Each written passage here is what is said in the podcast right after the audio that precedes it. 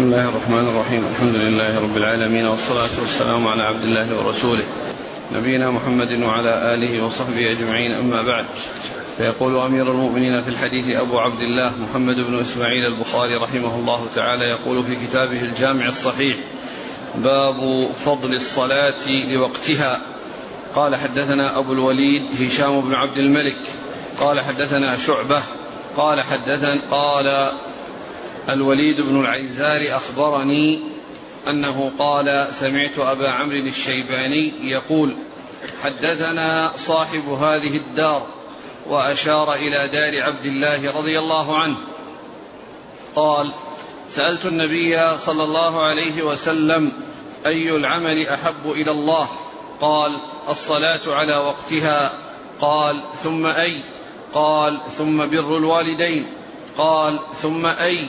قال الجهاد في سبيل الله. قال حدثني بهن ولو استزدته لزادني. بسم الله الرحمن الرحيم. الحمد لله رب العالمين. وصلى الله وسلم وبارك على عبده ورسوله نبينا محمد وعلى آله وأصحابه أجمعين. أما بعد يقول الإمام البخاري رحمه الله باب فضل الصلاة لوقتها. أي فضل أي فضل الصلاة فضل أداء الصلاة في وقتها وأن المحافظة عليها في أوقاتها من أفضل القربات ومن أجل الطاعات وذلك لامتثال أمر الله والاستقامة على أمر الله والإتيان بالصلاة على الوجه الذي يرضي الله عز وجل. لأن الصلاة وضع لها مواقيت وحد لها مواقيت فيؤتى بها في أوقاتها ويكون في ذلك الفضل العظيم والأجر الجزيل وبخلاف ما إذا حصل التهاون بها وأخرت عن أوقاتها أو أخرت إلى آخر أوقاتها مما يؤدي إلى خروجها الاتيان بها خارج الوقت فإن المحافظة عليها آه، شأنها عظيم وفضلها كبير. عند الله عز وجل. و وقد أورد البخاري رحمه الله حديث عبد الله بن مسعود رضي الله تعالى عنه أنه سأل رسول الله صلى الله عليه وسلم فقال أي العباد أي, أي الأعمال أحب إلى الله؟ فقال الصلاة لوقتها. قال ثم أي؟ قال بر الوالدين. قال ثم أي؟ قال الجهاد في سبيل الله. ذكر أول شيء في جواب هذا السؤال وهو أي العمل أحب إلى الله الصلاة وأيضا الصلاة, في وقتها. ومن المعلوم أن الصلاة هي عمود الإسلام وهي أهم العبادات البدنية وهي أفضل وهي أهم أركان الإسلام بعد الشهادتين وهي التي تتميز عن غيرها من العبادات بأنها تتكرر في اليوم والليلة خمس مرات وهذا بالنسبة للفرائض. وأما النوافل آه، فالرواتب والعبادات والصلوات الأخرى كل ذلك فيه تقوية الصلة بالله عز وجل والاجتهاد في, في, في, في طاعته سبحانه وتعالى. والصلاة هي كما قال رسول الله عليه الصلاة والسلام عمود الإسلام وهي التي تنهى عن الفحشاء والمنكر. وهي التي تتكرر في اليوم والليلة خمس مرات بخلاف غيرها من العبادات فإنها ليست كذلك لأن لأن الزكاة هي التي تليها ومع ذلك لا تجب في السنة إلا مرة واحدة وعلى من كان مالكا النصاب وحال عليه الحول وكان آه، من أهل آه، من أهل الزكاة فإن فإنها لا تجب في السنة إلا مرة واحدة مرة واحدة في السنة. والصلاة في اليوم والليلة خمس مرات وبعد ذلك صيام شهر في السنة ثم بعد ذلك الحج مرة واحدة في العمر. فإذا الصلاة مقدمة على غيرها وبها يتميز من يكون آه، صادق الإيمان ومن يكون من أولياء الله ومن يكون بخلاف ذلك لأن الإنسان عندما يصاحب إنسانا لأول مرة فإنه يستطيع أن يعرف حاله خلال أربع وعشرين ساعة وذلك بمعرفة محافظة على الصلاة والإتيان بالصلاة على الوجه المشروع. ولما سأل وسؤال عبد الله بن مسعود رضي الله عنه عن الرسول صلى الله عليه وسلم عن الأعمال يدلنا على حرص الصحابة على معرفة آه، تفاضل الأعمال وأي بعضها أفضل من بعض وذلك ليحرصوا على الاتيان بالفاضل والاعتناء به والاهتمام به وإن كانوا يهتمون بجميع العبادات لكنهم يريدون أن يعرفوا ما هو أفضل ليتقربوا إلى الله عز وجل به ويحصلون جزيل الثواب. وهذا يدلنا على فضل الصحابة رضي الله عنهم ونبلهم وحرصهم على معرفة آه، العبادات وما هو أفضل من العبادات وما هو الأفضل منها. وذلك ليتقربوا إلى الله عز وجل بفعل ما بفعل آه، ذلك الذي هو الأفضل ليحصلوا الأجر العظيم من الله عز وجل. وهذه الأمور الثلاثة التي أجاب بها الرسول عليه الصلاة والسلام كلها بدنية كلها من العبادات البدنية يعني بر آه، الصلاة وبر الوالدين والجهاد في سبيل الله والجهاد في سبيل الله. وبالنسبة لبر الوالدين يكون أيضا يعني بالبدن وبالمال يكون بالبدن وبالمال وبالإحسان فيما يتعلق بالخدمة البدنية وكذلك فيما يتعلق ببذل المال وإيصاله إلى الوالدين. الرسول عليه الصلاة والسلام أرشد إلى عبادة الله وأن هذا أهم شيء وأولى شيء وأفضل شيء فقال الصلاة الصلاة لوقتها. الصلاة لوقتها أو على وقتها. على وقتها. الصلاة على وقتها. وجاء في بعض الألفاظ الصلاة لوقتها. الصلاة على وقتها الاتيان بها محافظا فيها على أوقاتها ومؤداة في أوقاتها دون تهاون بها ودون تساهل بها لا تؤخر إلى آخر الأوقات ولا تؤخر عن الأوقات لا تؤخر إلى آخر الأوقات لأن ذلك يؤدي إلى خروجها عن وقتها. ومن حام حول الحمى يوشك أن يقع فيه. ومن المعلوم أنه إلى آخر الوقت كل ذلك جائز. والصلاة معتبرة من أول وقت إلى آخره. لكن ما يصلح ولا ينبغي أن تؤخر إلى آخر الوقت لأن ذلك يؤدي إلى خروجها عن الوقت وإذا أداها في الأول فإنه آه، آه، آه، أطمأن وأرتاح إلى أنه بادر إلى العبادة وأداها في أول وقتها فلا يكون هناك مجال لإخراجها عن وقتها. أما لو أخرها إلى آخر وقتها فإن ذلك جائز ولكن ليس له أن يؤخرها إلى آخر الوقت لأن ذلك يؤدي إلى إخراجها عن وقتها.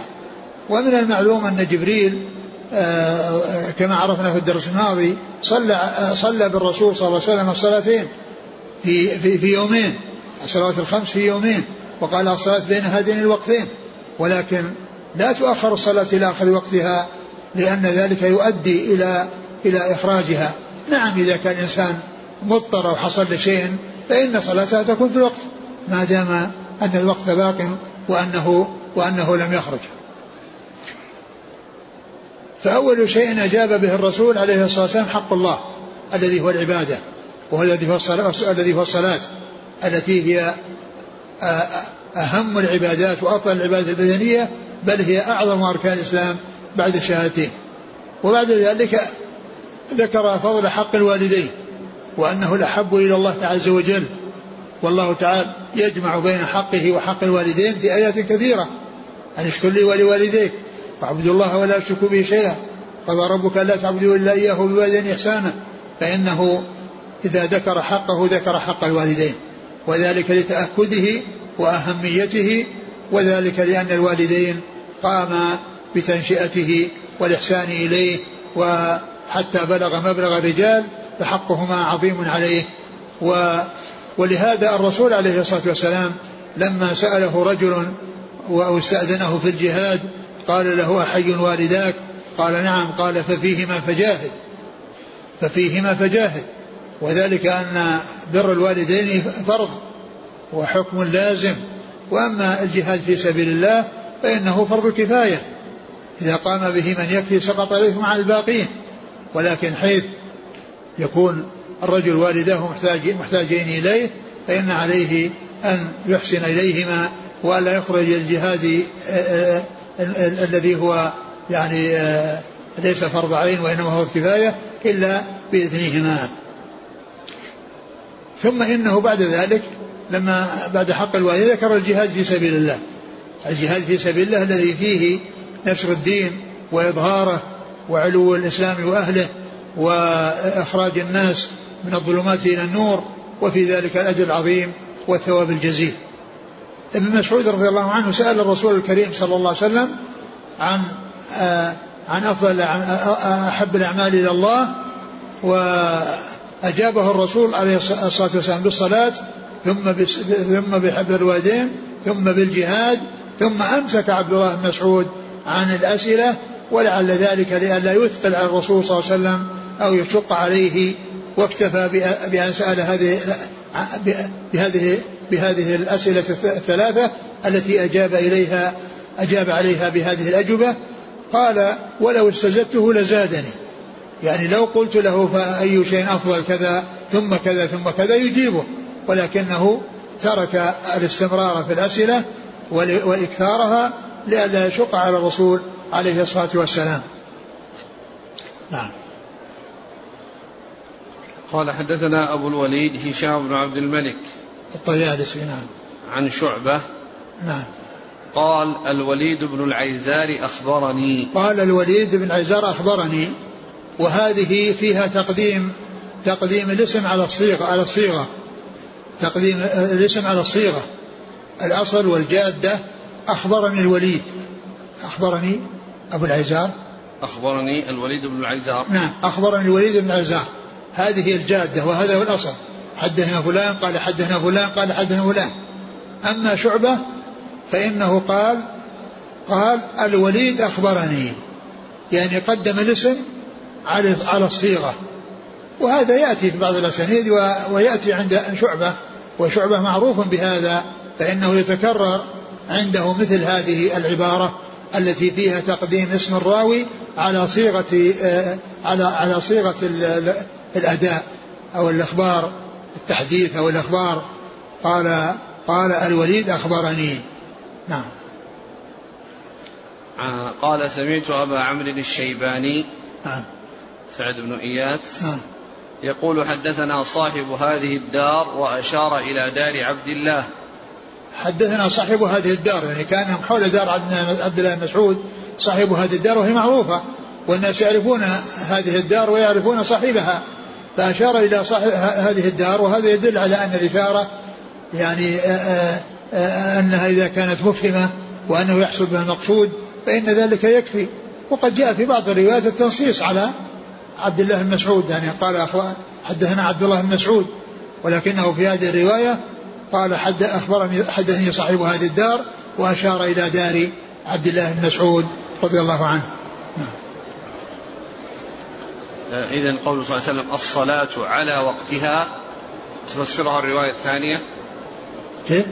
قوله هنا الصلاة على وقتها. نعم. تفسرها الرواية الثانية أول أو لأول وقتها أو المراد على وقتها يعني في وقتها. لا في وقتها كله ولكن المبادرة إليها في أول وقت لا شك أنه أولى لأن الصلاة في أول وقتها وفي وسط وقتها وفي آخر وقتها كل ذلك يعني معتبر وكل ذلك آه، فضله عظيم عند الله عز وجل. لكن أفضل شيء فيه المبادرة.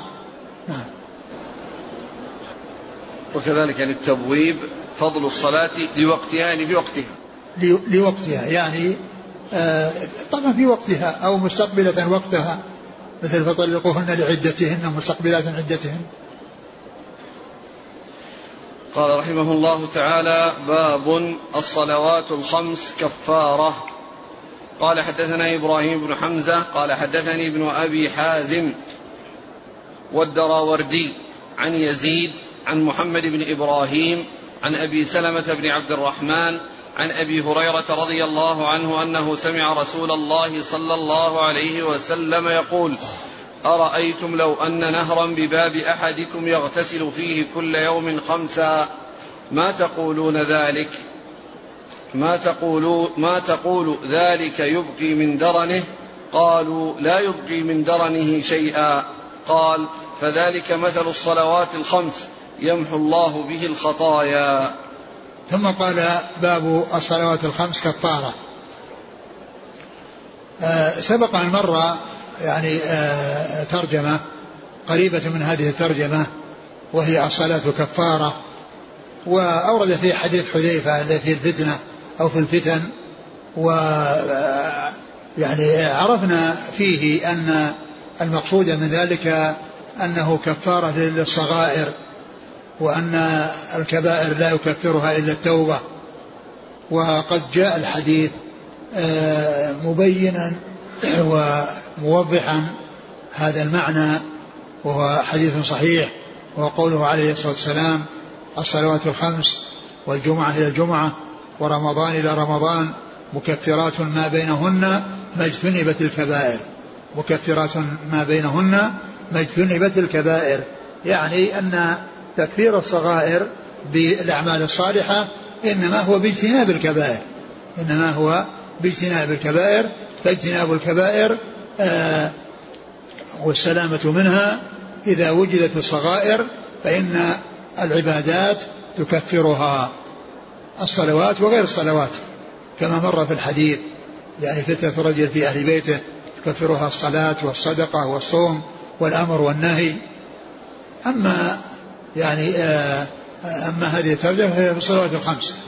ثم ذكر هذا الحديث عن أبي هريرة رضي الله عنه أن النبي صلى الله عليه وسلم ضرب مثلا فقال أن هذه الصلوات الخمس مثل ما لو أن إنسانا في بابه آه، نهر يغتسل منه كل يوم خمس مرات فإنه يكون نظيفا ولا يبقى عليه وسخ ولا يبقى فيه درن وإنما هو في غاية الحسن وفي غاية الجمال لكثرة هذا الاغتسال والتنظف الذي لا يبقى معه وسخ فالرسول عليه الصلاة والسلام ضرب آه، هذا المثل لإذهاب الذنوب وزوالها بهذه العبادات التي تتكرر في اليوم والليلة خمس مرات وهي الصلوات الخمس.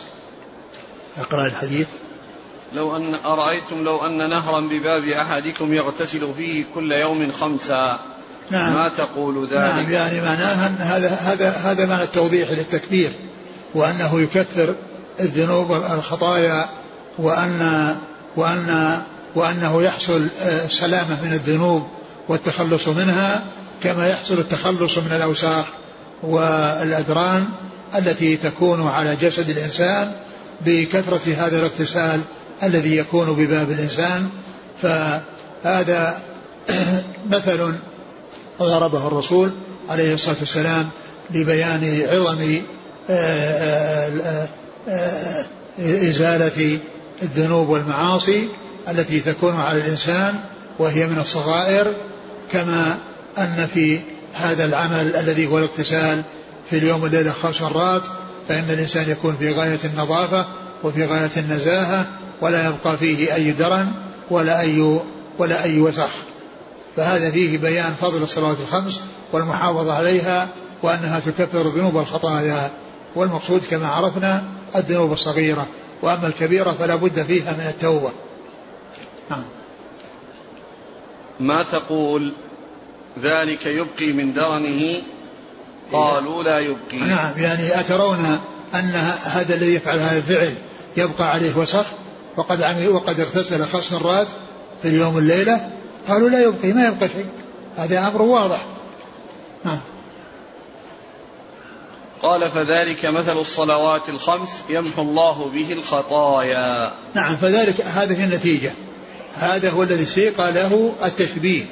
قال فذلك مثل الصلاة الخمس يمحو الله بها الخطايا. كما أن الاغتسال خمس مرات يزيل الأوساخ والأدران قال حدثنا إبراهيم بن حمزة نعم. عن ابن أبي حازم نعم. عبد العزيز نعم. والدراوردي عبد العزيز محمد الدراوردي. عن يزيد هو ابن؟ عبد الله بن أبي أسامة بن الهاد نعم. عن محمد بن إبراهيم نعم التيمي. عن أبي سلمة بن عبد الرحمن بن عوف. عن أبي هريرة. نعم. قال رحمه الله تعالى وهذا فيه ثلاثة من التابعين. يعني فيه أبو سلمة ومحمد بن إبراهيم ويزيد بن الهاد. هؤلاء ثلاثة من التابعين. ومحمد بن إبراهيم هذا هو من أوساط التابعين. وقد سبق أن مر في أول حديث في صحيح البخاري أن في إسناده يحيى بن سعيد الأنصاري عن محمد بن إبراهيم التيمي عن علقمة وقاص الليثي وهؤلاء ثلاثة الأول من كبارهم والثاني من صغارهم من أوساطهم والثالث من صغارهم. فإن محمد بن إبراهيم التيمي من أوساطهم ويحيى بن سعيد الأنصاري من صغارهم. كذلك يزيد بن بن الهاد من صغارهم. وهذا من أوساطهم وأبو سلمة من كبارهم. نعم. قال رحمه الله تعالى باب تضييع الصلاة عن وقتها.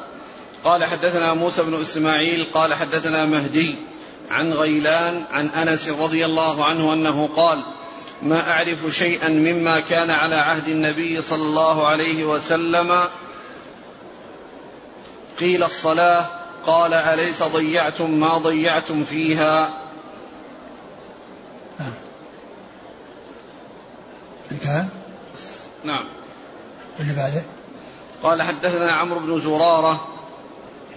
قال أخبرنا عبد الواحد بن واصل أبو عبيدة الحداد عن عثمان بن أبي رواد أخي عبد العزيز أنه قال سمعت الزهري يقول دخلت على أنس بن مالك رضي الله عنه بدمشق وهو يبكي فقلت ما يبكيك؟ فقال لا أعرف شيئا مما أدركت مما أدركت إلا هذه الصلاة وهذه الصلاة قد ضيعت. وقال بكر حدثنا محمد بن بكر البرساني قال أخبرنا عثمان بن أبي رواد نحوه. ثم قال باب باب تضييع. تضييع الصلاة عن وقتها. تضييع الصلاة عن وقتها.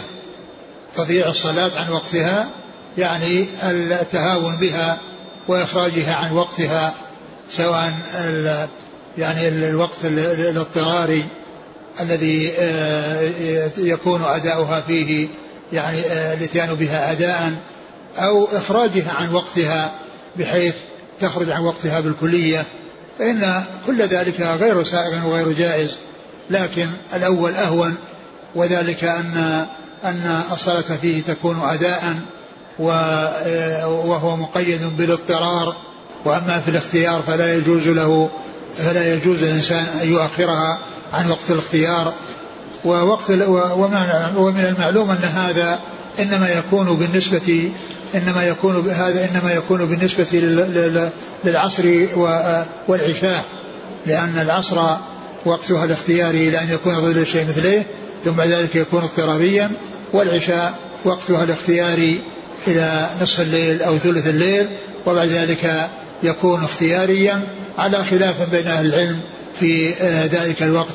هل هل يعني هل هو وقت لها أو أن وقتها ينتهي بنصف الليل وما بعد ذلك لا يكون وقتا لها؟ وبعض أهل العلم قال إنه يكون وقتا اضطراريا ويستدلون على ذلك بقوله صلى الله عليه وسلم ليس في النوم تفريط إنما التفريط على من يؤخر الصلاة حتى يأتي وقت الذي بعدها حتى يأتي وقت الصلاة التي بعدها. و وأورد في حديث أنس بن مالك رضي الله عنه أنه كان تألم وتأثر وحزن وصار يبكي على ما حصل من الإخلال بالصلاة والتهاون بشأنها وتأخيرها عن وقتها وقت الاختيار وكذلك ما يحصل من تأخيرها عن عن وقت الاضطرار. فكل ذلك من الأمور العظيمة والأمور الخطيرة التي فيها آه، التهاون بأعظم ركن من أركان الإسلام بعد الشهادتين وهي الصلاة التي افترضها الله عز وجل على عباده في اليوم والليلة خمس مرات. فكان رضي الله عنه يبكي ويقول إنه آه، يعني آه، وجد تغير والاختلاف على عما كان عليه الرسول صلى الله عليه وسلم على ما كان عليه الناس في زمن رسوله صلى الله عليه وسلم وزمن خلفائه الراشدين. ثم ما حصل بعد ذلك من آه، آه، الاختلاف والتقصير في أمور الدين. وهذا وهذا كان في القرون المفضلة. وهذا الذي حصل والذي تعلم منه أنس رضي الله عنه كان في القرون المفضلة. بل في أول أول القرون. بل اول القرون وفي المئة الأولى وفي المئة الأولى ومع ذلك آه، يخبر أنس بحصول التقصير وبحصول الأخلال بالواجبات التي أوجبها الله عز وجل على عباده. ويقول الصلاة هي التي الناس محافظون عليها ومع ذلك هم مقصرون فيها. يحصل من بعضهم تقصير فيها ليس من كلهم. وإنما تألم لما يحصل وما رآه يحصل من بعض الناس. وإلا فمن الناس من يحافظ عليها ولا يحصل منه يعني هذا يعني آه، شيء يخل بها. أقرأ الحديث. قال عن أنس قال ما أعرف شيئا مما كان على عهد النبي صلى الله عليه وسلم. قيل الصلاة. قال أليس ضيعتم ما ضيعتم فيها؟ نعم قال إنه ما يعرف شيئا ما كان عليه الرسول الناس ما كان عليه الرسول صلى الله عليه وسلم في هذا الزمان. فقيل له الصلاة لأن الصلاة هي هي ال هي ال الأمر الظاهر الذي يعني يتكرر عند الناس في اليوم والليلة خمس مرات. قال أليس ضيعتم ما ضيعتم فيها؟ يعني حصل ما حصل من تقصير. وذلك مما يحصل من بعض الأمراء من تأخيرها عن أوقاتها. نعم. الحديث الثاني قال الزهري دخلت على أنس بن مالك بدمشق. بدمشق يعني كان هو في البصرة وإقامته في البصرة لكنه ذهب إلى دمشق ولقيه في دمشق. وكان قيل إنه ذهب لي يعني لي لي إلى الخليفة يعني في في دمشق لشكوى يعني وما يحصل من بعض الولاة من يعني ولاته في العراق.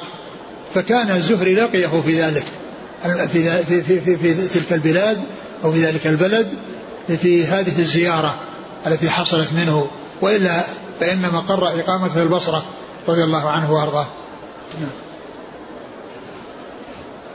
دخلت على أنس بن مالك بدمشق وهو يبكي فقلت ما يبكيك فقال لا أعرف شيئا مما أدركت إلا هذه الصلاة وهذه الصلاة قد ضيعت نعم يعني يبكي لحصول هذا التغير وهذا التغيير وهذا الخلل الذي حصل للناس يعني آه، متاثرا من آه، من حصول ذلك رضي الله عنه وأرضاه. نعم. قال حدثنا موسى بن إسماعيل تبوذكي. عن مهدي مهدي بن ميمون البصري نعم. عن غيلان بن ابن جرير؟ البصري نعم. عن أنس. نعم. وهم بصريون. نعم. قال حدثنا عمرو بن زرارة نعم. عن عبد الواحد بن واصل نعم. أبي عبيدة الحداد نعم. عن عثمان بن أبي رواد أخي عبد العزيز نعم. عن عبد العزيز بن أبي رواد. لأنه أحيانا يذكر إذا كان الشخص مشهور وله قريب غير مشهور فإنه يعني يقرن بالمشهور أو يعني يقال أخو آه، فلان المشهور. يعني هكذا يعني يأتي في بعض الأسانيد. يعني إذا كان شخص مشهور وله أخ يعني غير مشهور وجاءت الرواية فإنه ينسب إليه ويقول أخو فلان أخو فلان بن فلان. مثل ما كان في يحيى بن سعيد الأنصاري فإنه كان يعني بعض إخوته عندما يذكرون مثل عبد ربه بن سعيد الأنصاري أخو يحيى بن سعيد الأنصاري. يعني يعرف آه، شخص بإضافته إلى أخيه المشهور. نعم. عن الزهري عن أنس بن مالك. نعم. وقال بكر حدثنا محمد بن بكر البرساني. بكر هو؟ بكر بن خلف البصري نعم. عن محمد بن بكر البرساني نعم. عن عثمان بن أبي رواد نحوه. نعم. آه، اذا الذين أدركهم انس ضيعوا الصلاة أخرجوها عن وقتها. نعم بعض الأمراء كانوا يفعلون ذلك. لكن عمر بن العزيز رحمة الله عليه الذي مر بنا في الحديث لا يخرجها عن وقتها وإنما إما في يعني آخر وقتها المختار أو أنه حصل منه إخراجها عن وقتها المختار إلى الوقت الذي فيه اضطرار لأمر اقتضى ذلك. نعم. ولكن هنا هؤلاء الذين أرادهم أنس. هو يقصد الأمراء.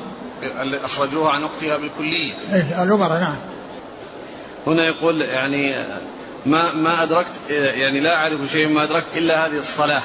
هل يريد المبالغة ولا على حقيقة يحمل؟ يعني هنا يعني ما عندهم تركوا الزكاة تركوا الصوم تركوا الجهاد. لا هذه هذه أمور ظاهرة أمور خفية مسألة الصلاة ومسألة الصيام يعني أمر خفي.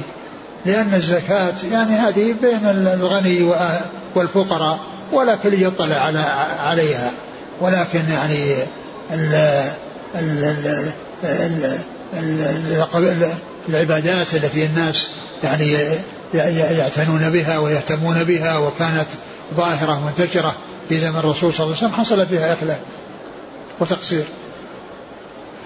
الحافظ بن حجر قال وهذه الصلاة قد ضيعت قال المهلب والمراد بتضييعها تأخيره عن وقتها المستحب لا أنهم أخرجوها عن الوقت. كذا قال وتبعه جماعة وهو مع عدم مطابقته للترجمة مخالف للواقع. فقد صح أن الحجاج وأميره الوليد وغيرهما هكذا. أنه أميره. أميره يعني مرجعه اللي هو أمير أمير الناس أمير المؤمنين. نعم. أن الحجاج وأميره الوليد نعم. وغيرهما كانوا يؤخرون الصلاة عن وقتها. والآثار في ذلك مشهورة منها ما رواه عبد الرزاق عن ابن جريج عن عطاء قال أخر الوليد الجمعة حتى أمسى. فجئت فصليت الظهر قبل أن أجلس ثم صليت العصر وأنا جالس إيماء وهو يخطب. وإنما فعل ذلك عطاء خوفا على نفسه من القتل. ومنها ما رواه أبو نعيم شيخ البخاري في كتاب الصلاة من طريق أبي بكر بن عتبة قال صليت إلى جنب أبي جحيفة. فمسى فمسى فمسى الحجاج بالصلاة.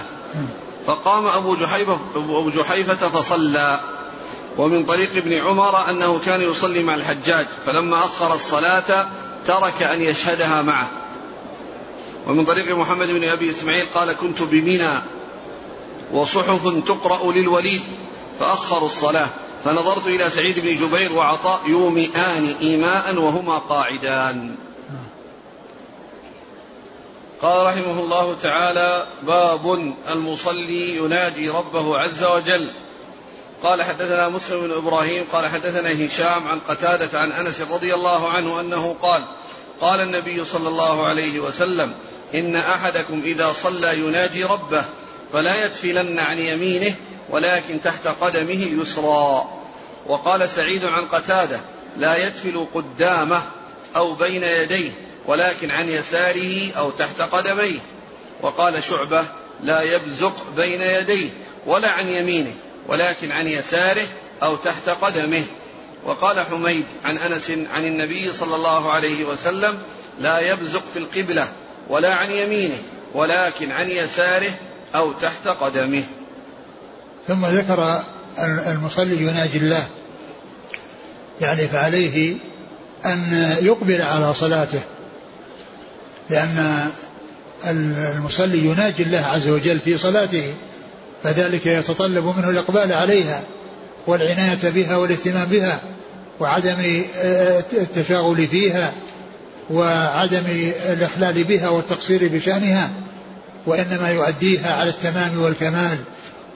وسبق ورود الحديث أو مر, الحديث في أبواب, المساجد فيما يتعلق ب آه، حتى النخامة من جدار المسجد في قبلته وما والحديث ورد يعني في في في آه، في, في المساجد يعني آه، ومنه هذا الذي أشرت إليه ذكر حت النخامة وأورده هنا في أبواب المواقيت وذلك أن إقامة الصلاة مطلوبة ولأن أهم شيء فيها الخشوع لله عز وجل ومناجاته والإقبال عليه. والانصراف عن غيره وهذا إنما وهذا إنما يكون إذا أديت الصلاة في أوقاتها. أما لو خرجت في أوقاتها فإن الإنسان يكون يعني مخلا بما هو واجب عليه ومقصر بما هو مطلوب منه. ف آه، آه، كون المصلي يناجي الله عز وجل يعني يتطلب ذلك منه أن يحافظ عليها في أوقاتها. وأن يأتي بأركان شروطها وأركانها وواجباتها ومستحباتها ولا يحصل منه إخلال يعني في ذلك. هذا هو وجه إرادة المصنف رحمه الله الحديث في كتاب المواقيت بعد أن أورده في كتاب المساجد. لكن المواقيت هنا إدخاله يعني يعني في في المواقيت في كتاب المواقيت من أجل أن الإنسان أن كون الإنسان من أجل الله يعني معنى ذلك أنه يكون على هيئة كاملة وعلى إقبال على صلاته وأن يقيمها على التمام والكمال لأنه يناجي الله عز وجل وهذا إنما يكون في وقتها. قال حدثنا مسلم بن عمر المتن. أنس قال صلى الله عليه وسلم إن أحدكم إذا صلى يناجي ربه فلا يتفلن عن يمينه ولكن تحت قدمه اليسرى. نعم. آه هذا الحديث وكذلك الأحاديث التي أشار إليها بعد كلها سبق أن مرت وأن الإنسان إذا كان آه آه يصلي وكان في أرض ترابية فإنه آه إذا كان ليس معه أحد فإنه آه، لا يدخل أمامه ولا عن يمينه ولكن عن شماله أو تحت قدمه اليسرى وخير من ذلك. وأولى من ذلك أن الإنسان يكون معه آه، مناديل أو في ثوبه كما سبق أن مر بنا لما ذكر البخاري رحمه الله الأحاديث في هذا ختمها بالباب أو الترجمة التي فيها أنه يعني يضعه في ثوبه ويقول بثوبه هكذا ثم يبصق فيه ويضم بعضه إلى بعض. فهذا هو الطريق الأمثل الذي أرشد إليه الرسول صلى الله عليه وسلم. نعم. ثم ذكر الثاني قال سعيد قتادة لا يدفل قدامه أو بين يديه ولكن عن يساره أو تحت قدميه. نعم يعني هذه الروايات بعضها أكمل من بعض وأكملها التي فيها أنه لا يبصق أمامه ولا عن يمينه وإنما عن يسارها تحت قدمه التي هي رواية شعبة. نعم. شعبة لا يبزق عن بين يديه نعم. ولا عن يمينه ولكن عن يساره أو تحت قدمه. نعم. وكذلك, وكذلك الرواية الأخيرة. حميد. نعم. عن أنس قال صلى الله عليه وسلم لا يبزق في القبلة ولا عن يمينه ولا عن يساره أو تحت قدمه. ولا؟ ولكن ولكن عن يساره أو تحت قدمه. نعم. قال حدثنا مسلم بن إبراهيم الفراهيدي. عن هشام عن قتادة. عن؟ هشام عن, قتادة. نعم. عن قتادة عن أنس. نعم. وقال سعيد عن قتادة. هذا سعيد بن أبي عروبة. سعيد بن أبي عروبة. نعم. وقال حميد عن أنس. نعم حميد بن أبي حميد الطويل. قال قال حدثنا حفص بن عمر. قال حدثنا يزيد بن إبراهيم. قال حدثنا قتادة عن أنس رضي الله عنه. عن النبي صلى الله عليه وعلى آله وسلم أنه قال اعتدلوا في السجود ولا يبسط ذراعيه كالكلب وإذا بزق فلا يبزقن بين يديه ولا عن يمينه فإنه يناجي ربه. ثم ذكر هذا الحديث عن أنس. عن أنس رضي الله عنه قال اعتدلوا في السجود اعتدلوا في السجود والاعتدال في السجود هو أن يسجد على أعضائه أعضائه الستة. سبعة. السبعة التي هي اليدين والركبتين والقدمين والوجه والجبهة مع الأنف. هذه يعني الاعتدال يكون بأن يمكن هذه الأربع هذه السبعة في في سجوده. وأن تكون يداه عند وضعهما يعني قائمتان يعني ليست مبسوطتان على الأرض. بحيث تكون يده على الأرض ومرفقة على الأرض. يعني مثل ما يحصل في افتراش الكلب الذي يعني يعمل هذه الهيئة وإنما يضع يديه وتكون مرفوعتين ويجافيهما وأيضا لا يلصقهما لا يلصقهما بجنبه وكذلك لا يلصق يعني آه، بطنه بفخذه ولا فخذه بساقه. فيكون يعني راكب بعضه على بعض. وإنما يعني يسجد على ركبتيه فتكون يعني معتمدا عليهما وتكون الفخذ يعني ابتعد عن الساق وكذلك الفخذ يعني لم يعني تلتصق بالبطن بحيث يركب البطن على الفخذ. فإن يعني هذا ينافي الاعتدال في السجود. و ويقابل ذلك بعض الناس الذين يعني يعني يبالغ في آه يعني في السجود وفي آه التباعد بين أطرافه فيكون يعني يكاد أن ينبطح على بطنه يكاد أن ينبطح على بطنه من من المبالغة وإنما يكون باعتدال. قال اعتدلوا في السجود يعني توسط بين بين الإفراط والتفريط بين التفريط الذي هو يركب بعضه على بعض حتى يكون كان قطعة لحم يعني ملتصقة بالأرض و وقد سبق مر بنا الحديث الذي الأثر الذي جاء عن عمر بن عمر لعلك من الذين يسجدون على أوراكهم أو يعتمدون على أوراكهم يعني معناه أنه يركب بعضه بعض دون أن يكون يعني يجافي الفخذين عن الساقين والساقين والبطن عن الفخذين واليدين عن الفخذين. عن عن الجنبين فيكون بهذه الهيئة المعتدلة المتوسطة. اعتدلوا في السجود ولا يبسط أحدكم ذراعيه انبساط الكلب يعني مثل ما يفعل الكلب حتى تكون مقدم يده ومؤخرها كلها لاصقة في الأرض. نعم. وإذا بزق فلا يبزقن بين يديه ولا عن يمينه فإنه يناجي ربه. وهذا محل الشاهد. وإذا بزق فلا يبزق عن يمينه ولا يعني أمامه وإن و فإنه, فإنه يناجي ربه. نعم. قال حدثنا حفص بن عمر نعم. عن يزيد بن إبراهيم نعم. عن قتادة عن أنس. نعم. قال رحمه الله تعالى باب الإبراد بالظهر في شدة الحر. قال حدثنا أيوب بن سليمان قال حدثنا أبو بكر عن سليمان قال قال صالح بن كيسان حدثنا الأعرج عبد الرحمن وغيره عن أبي هريرة رضي الله عنه ونافع مولى عبد الله بن عمر عن عبد الله بن عمر رضي الله عنهما أنهما حدثاه عن رسول الله صلى الله عليه وسلم أنه قال إذا اشتد الحر فأبردوا عن الصلاة فإن شدة الحر من فيح جهنم. ثم ذكر الإبراد في صلاة الظهر عند اشتداد الحر عند شدة الحر.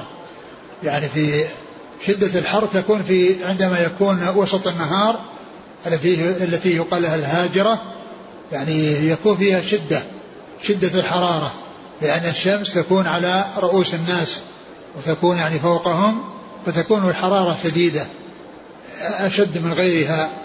ف والأصل في والأصل في الصلوات أن يبادر بها في أوائل أوقاتها.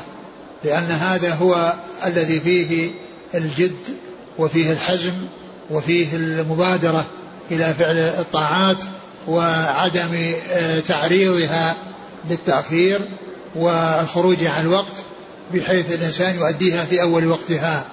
إلا أنه إذا اشتد الحر فإن السنة الإبراد. والإبراد يعني معناه الدخول في الوقت الذي يكون فيه البراد. يعني معناه أنه يعني أبردوا يعني معناه يعني يدخلون في البراد.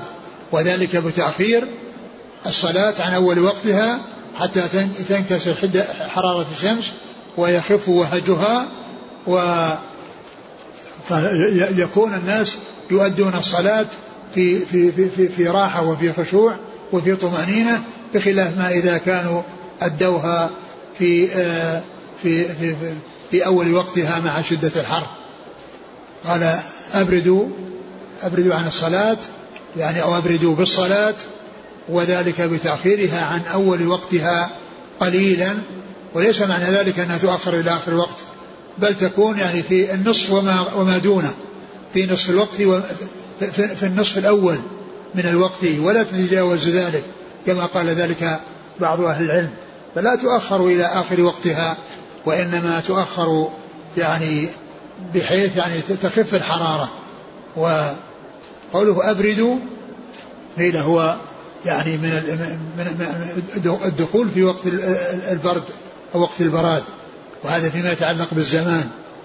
ومثله أنجد وأتهم إذا إذا كان إذا إذا فيما يتعلق بالمكان. إذا مشى في نجد ومشى في تهامة أو دخل في تهامة ودخل في نجد فإنه يقال أتهم وأنجد. يقال يعني أتهم وأنجد وفي وهذا فيما يتعلق بالمكان وأبرد فيما يتعلق بالزمان. وأبرد فيما يتعلق بالزمان. فإن شدة الحر من فيح جهنم. إن شدة الحر من فيح جهنم وقد آه، جاء في الحديث الذي آه، يعني آه، سيأتي أن أن النار اشتكت إلى ربها وأكل بعضها بعضا فأذن لها بنفسين نفس في الشتاء ونفس في الصيف فأشد ما يجدون من الحرارة في الصيف إنما هو من من من الحر وشدة حرارة النار وما يجدونه في الصيف في الشتاء من الزمهرير وشدة البرد فإنما هو من النفس الذي يكون للنار في آه، زمن آه، زمن البرد. ولكن الإبراد يعني كما هو معلوم إنما هو فيما يتعلق ب فيما يتعلق بالحر وفي شدة الحر. وأما مسألة الزمهرير فإنه لا علاقة له في الإبراد. نعم. قال حدثنا أبو أي حدثنا أيوب بن سليمان نعم. عن أبي بكر. أبو بكر هو؟ عبد الحميد بن عبد الله بن عبد الله بن أبي أويس المدني. نعم. عن سليمان هو؟ ابن بلال نعم. المدني نعم. عن صالح بن كيسان نعم. عن الأعرج عبد الرحمن. ابن هرمز نعم. وغيره عن أبي هريرة. وغيره. هنا جاء في في بعض الطرق وغيره وفي بعضها بدون ذلك. وقيل إن غيره هو أبو بكر أبو سلمة بن عبد الرحمن بن عوف.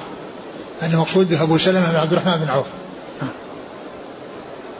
ونافع مولى عبد الله بن عمر عن عبد الله بن عمر. نعم.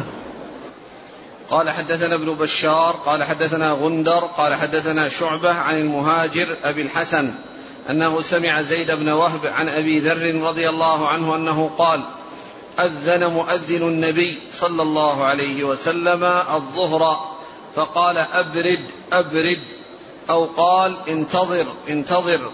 وقال شدة الحر من فيح جهنم. فإذا اشتد الحر فأبردوا عن الصلاة حتى رأينا فيء التلول ثم ورد هذا الحديث أن مؤذن رسول الله صلى الله عليه وسلم آه، أذن فقال له النبي أبرد يعني معناه آه، يعني آه، ادخل في البراد وذلك بالتأخير وذلك بالتأخير يعني تأخير تأخير الصلاة. إلى الوقت الذي يصير فيه الاطمئنان في أدائها من البراد وذهاب الحرارة ووهج الحرارة التي تكون في في وسط النهار. فالنبي صلى الله عليه وسلم أرشده إلى أن يؤخر الأذان وذلك حتى يعني يكون الوقت الذي يأتي الناس يعني حيث يكون النداء يأتي الناس عند المنادات فيؤخر الأذان إلى حين وقت الصلاة الذي يعني يطلب من الناس الحضور فيه. ولو حصل الأذان في أول وقت فإنهم قد يأتون في, في, في شدة الحرارة ويكون ما حصل الإبراد وما حصلت الفائدة التي أرادها رسول الله صلى الله عليه وسلم من آآ آآ الوصول إلى الوقت الذي يكون فيه الراحة والطمأنينة للناس في في في, في صلاتهم قال أبرد أبرد إيش؟ أو قال انتظر انتظر وقال نعم. شدة الحر من فيح جهنم نعم. فإذا اشتد الحر فأبردوا عن الصلاة حتى رأينا فيء التلول حتى رأينا فيء التلول التلول المقصود بها الرمال التي تكون يعني منبطحة ويعني ليست يعني شيئا قائما كالجدار لأن الجدار يظهر الفيء له بسرعة لأنه قائم. وأما التل الذي هو رمال بعضها فوق بعض هذا ما يحصل رمال ما يحصل لها شيء إلا إذا مضى شيء من الوقت. مضى شيء من الوقت يعني الذي يحصل به الإبراد. لأن الجدار يظهر الفيء بسرعة. لأنه قائم مستطيل. وأما تلك فإنها رمال يعني راكب بعضها فوق بعض وليست يعني شيء واقف. وهذا إذا ظهر الفيء فيها معناه أنه حصل الإبراد حتى رأينا في التلول التلول للرمال التي يعني آه، آه، ليست مستوية يعني لها يعني آه، لها أعلى وفيه جوانب يعني منخفضة وهكذا بالتدريج. وحصول الفيء فيها ما يتأتى إلا بعد مضي وقت من من الزوال. قال حدثنا ابن بشار نعم محمد بن بشار. عن غندر. نعم غندر محمد بن جعفر. عن شعبة عن المهاجر أبي الحسن. المهاجر أبي الحسن المهاجر الألف واللام. هذه هي يعني من الاسم ويأتي مهاجر مثل العباس وعباس والوليد ووليد. نعم وقد جاء هنا آه، بالألف واللام ويأتي بعد ذلك بقليل بدون ألف ولام وهذا مر بنا قديما مكي بن إبراهيم والمكي بن إبراهيم المكي بن إبراهيم ومكي بن إبراهيم يعني معناه الألف واللام يؤتى بها وتحذف ك ك كالعباس والوليد وهكذا أنه سمع زيد بن وهب نعم. عن أبي ذر نعم. قال حدثنا علي بن عبد الله قال حدثنا سفيان قال حفظناه من الزهري عن سعيد بن المسيب عن أبي هريرة رضي الله عنه عن النبي صلى الله عليه وسلم أنه قال إذا اشتد الحر فأبردوا بالصلاة فإن شدة الحر من فيح جهنم. واشتكت النار إلى ربها فقالت يا ربي أكل بعضي بعضا فأذن لها بنفسين نفس في الشتاء ونفس في الصيف. فهو أشد ما تجدون من الحر وأشد ما تجدون من الزمهرير. ثم ذكر هذا الحديث؟ وهو مثل الذي قبله إذا اشتد الحر فأبرد عن الصلاة فإن شده الحر في جهنم. ثم ذكر أن النار اشتكت إلى ربها واشتكت إلى ربها وقالت أول شيء إذا اشتد الحر فأبردوا بالصلاة فإن شدة الحر من فعي جهنم واشتكت النار إلى ربها فقالت يا رب أكل بعضي بعضا. نعم واشتكت النار إلى ربها فقالت أكل بعضي بعضا. يعني من شدة حرارتها وحرارة وما فيها من من الحرارة أكل بعضها بعضا بحيث يعني التحم بعضها ببعض. فصار يعني من شدة الحرارة يعني التصق بعضها ببعض. ولصق بعضها ببعض. نعم. أكل بعض بعضا. فأذن لها بنفسين نفس في الشتاء ونفس وهذا في الذي وهذا الذي شكوى هذه شكوى حقيقية. الله تعالى أنطقها وجعلها تتكلم. والله على كل شيء قدير. وهذا يعني مثل ما أنطق الجلود والأيدي والأرجل يعني في الدار الآخرة فإنها تنطق وتتكلم.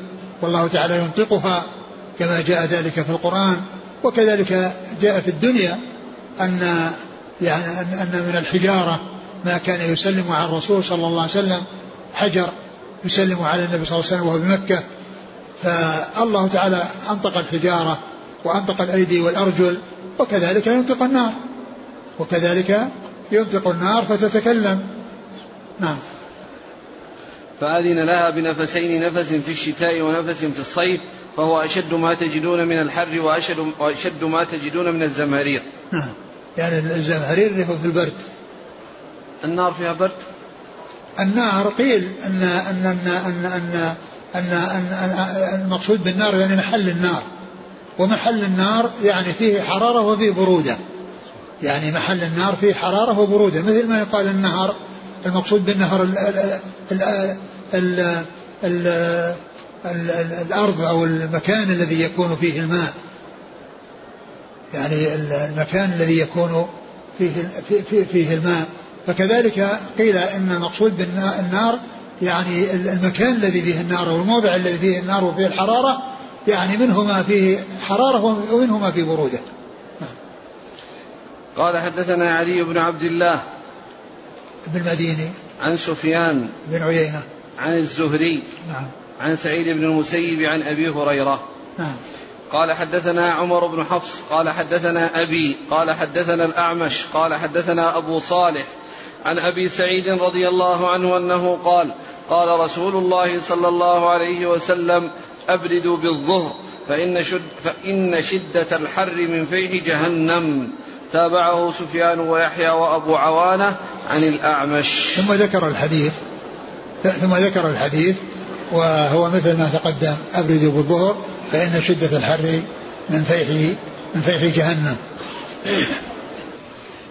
نظير ما يعني يكون النار فيها فيها برد يعني وأن المقصود أن المكان اللي فيه النار فيه حرارة وفيه برودة.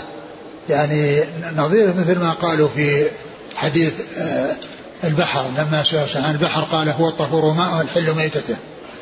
فإنهم قالوا في قولها الطهور هو الطهور ماؤه المقصود به المكان الذي فيه البحر. لأنه لو كان المقصود به الماء كان في معناها الماء طهور ماؤه.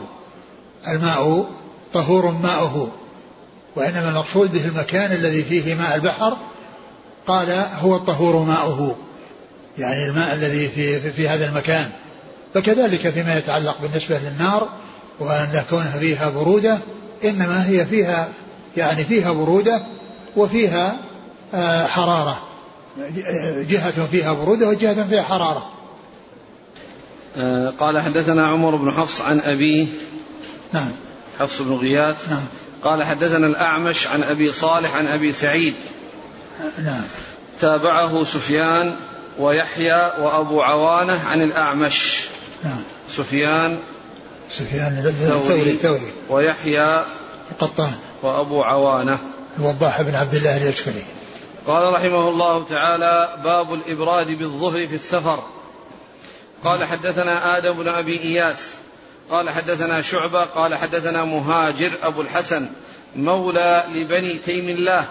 قال سمعت زيد بن وهب عن أبي ذر الغفاري رضي الله عنه أنه قال كنا مع النبي صلى الله عليه وعلى آله وسلم في سفر فأراد المؤذن أن يؤذن للظهر فقال النبي صلى الله عليه وسلم أبرد. ثم أراد أن يؤذن فقال له أبرد. حتى رأينا فيء التلول فقال النبي صلى الله عليه وسلم إن شدة الحر من فيح جهنم. فإذا اشتد الحر فأبردوا بالصلاة. وقال ابن عباس تتفيأ تتميل. ثم ذكر البخاري رحمه الله باب الإبراد في الظهر في السفر.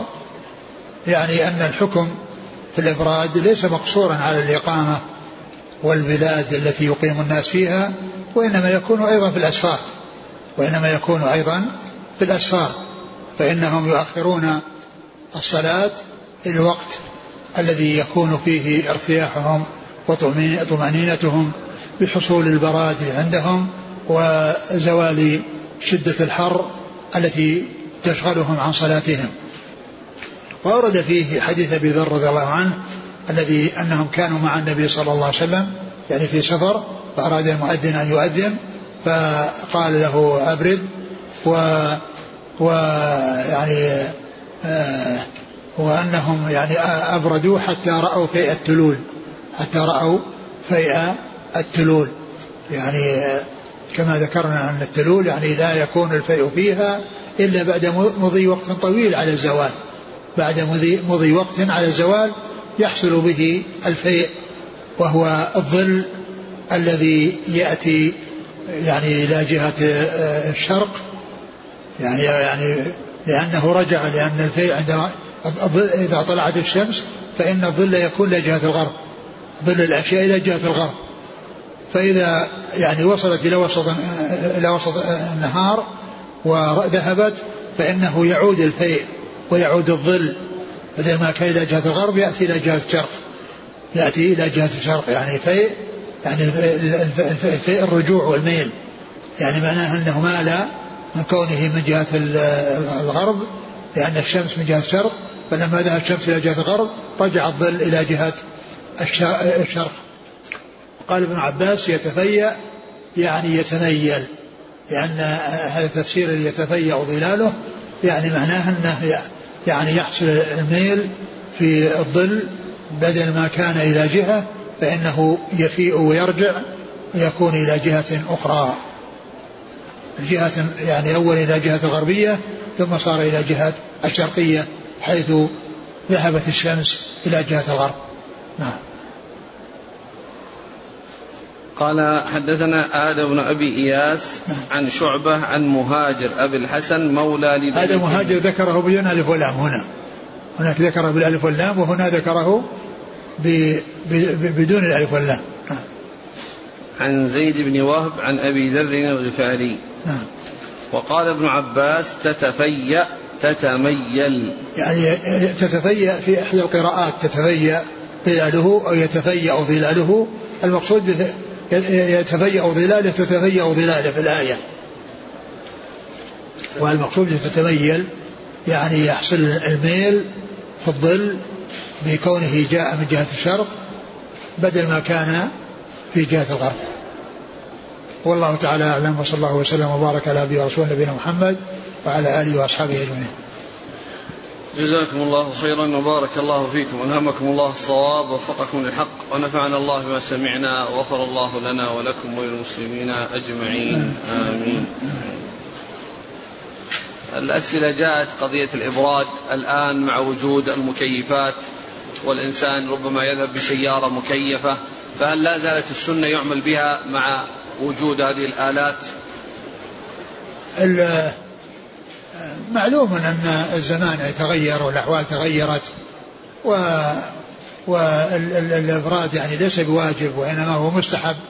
وإذا حصل شيء يعني يحصل به الراحة والطمأنينة المساجد يعني يعني في, برودتها وكذلك الناس يركبون في السيارات يعني في براد فالأمر يعني يختلف.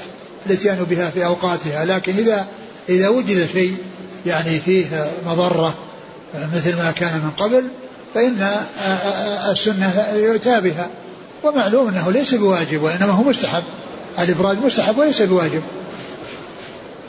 هل يفهم من قوله تعالى إن تجتنبوا كبائر ما تنهون عنه نكفر عنكم سيئاتكم؟ أن تكفير الصغائر معلق باجتناب الكبائر أي لا تكفر الصغائر إلا إذا اجتنب الإنسان كبائر الإثم. معلوم أن أن الإنسان الذي يكون عنده كبائر وعنده صغائر عنده كبائر وعنده صغائر يعني لم يتب منها أو لم يحصل توبة منها أنه يؤخذ عليها. لكن يعني هنا يعني اجتناب الكبائر تكفير الصغائر مقيد باجتناب الكبائر هنا مطلق. وأما ما تقدم من أن الصلوات الخمس ورمضان إلى رمضان مكفرات ما بينهن ما اجتنبت الكبائر قيل لأن المقصود هنا يعني الصلاة تكفر ما قبلها ما بينها وبين الصلاة التي قبلها. ورمضان يكفر ما بينه وبين رمضان الذي قبله والجمعة تكفر ما بينها وبين الجمعة.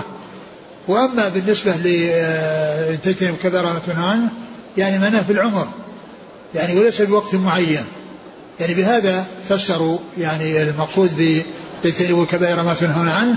يعني معناه أن الإنسان إذا يعني وافى الله عز وجل مجتنبا الكبائر ولكن عنده صغائر فإن الله تعالى يكفرها عنه.